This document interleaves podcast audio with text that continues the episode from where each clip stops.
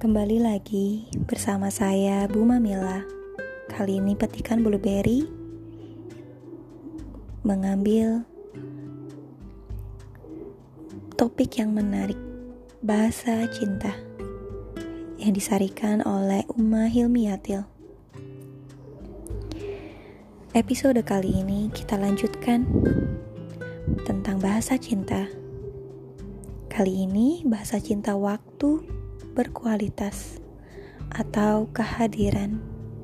Sebelumnya, kita sudah mengenal bahasa cinta anak bila ia membutuhkan bahasa cinta verbal dan sentuhan. Bahasa cinta waktu atau kehadiran, hadir juga berarti mendengarkan sungguh-sungguh.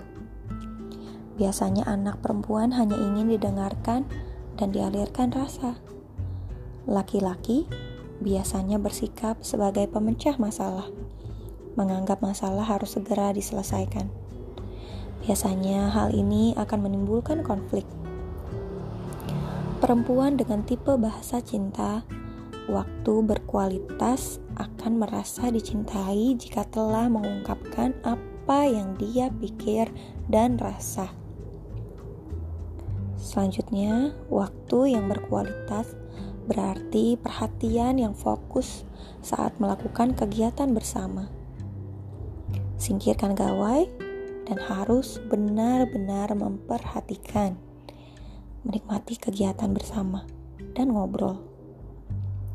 Contoh, sholat berjamaah, jalan-jalan menyusuri kampung, menceritakan kegiatan favorit,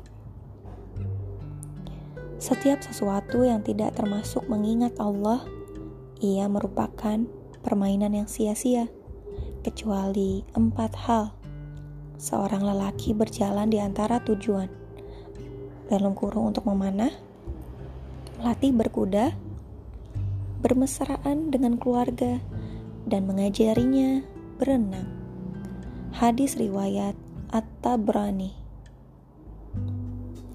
85 hal yang harus kita lakukan bersama. 1. Bacakan buku untukmu. 2. Membuatkan buku untukmu. 3. Membuatkan scrapbook. 4. Beli buku humor dan saling baca dan saling tebak. 5. Pergi piknik. 6. Mengunjungi kebun binatang. Masih saya sisakan 79 aktivitas lagi ya, Bun. Sengaja kata umami ya. Selanjutnya bahasa cinta hadiah. Saling memberi hadiahlah kalian. Niscaya kalian saling mencintai. Hadis riwayat Al-Bukhari. Orang dengan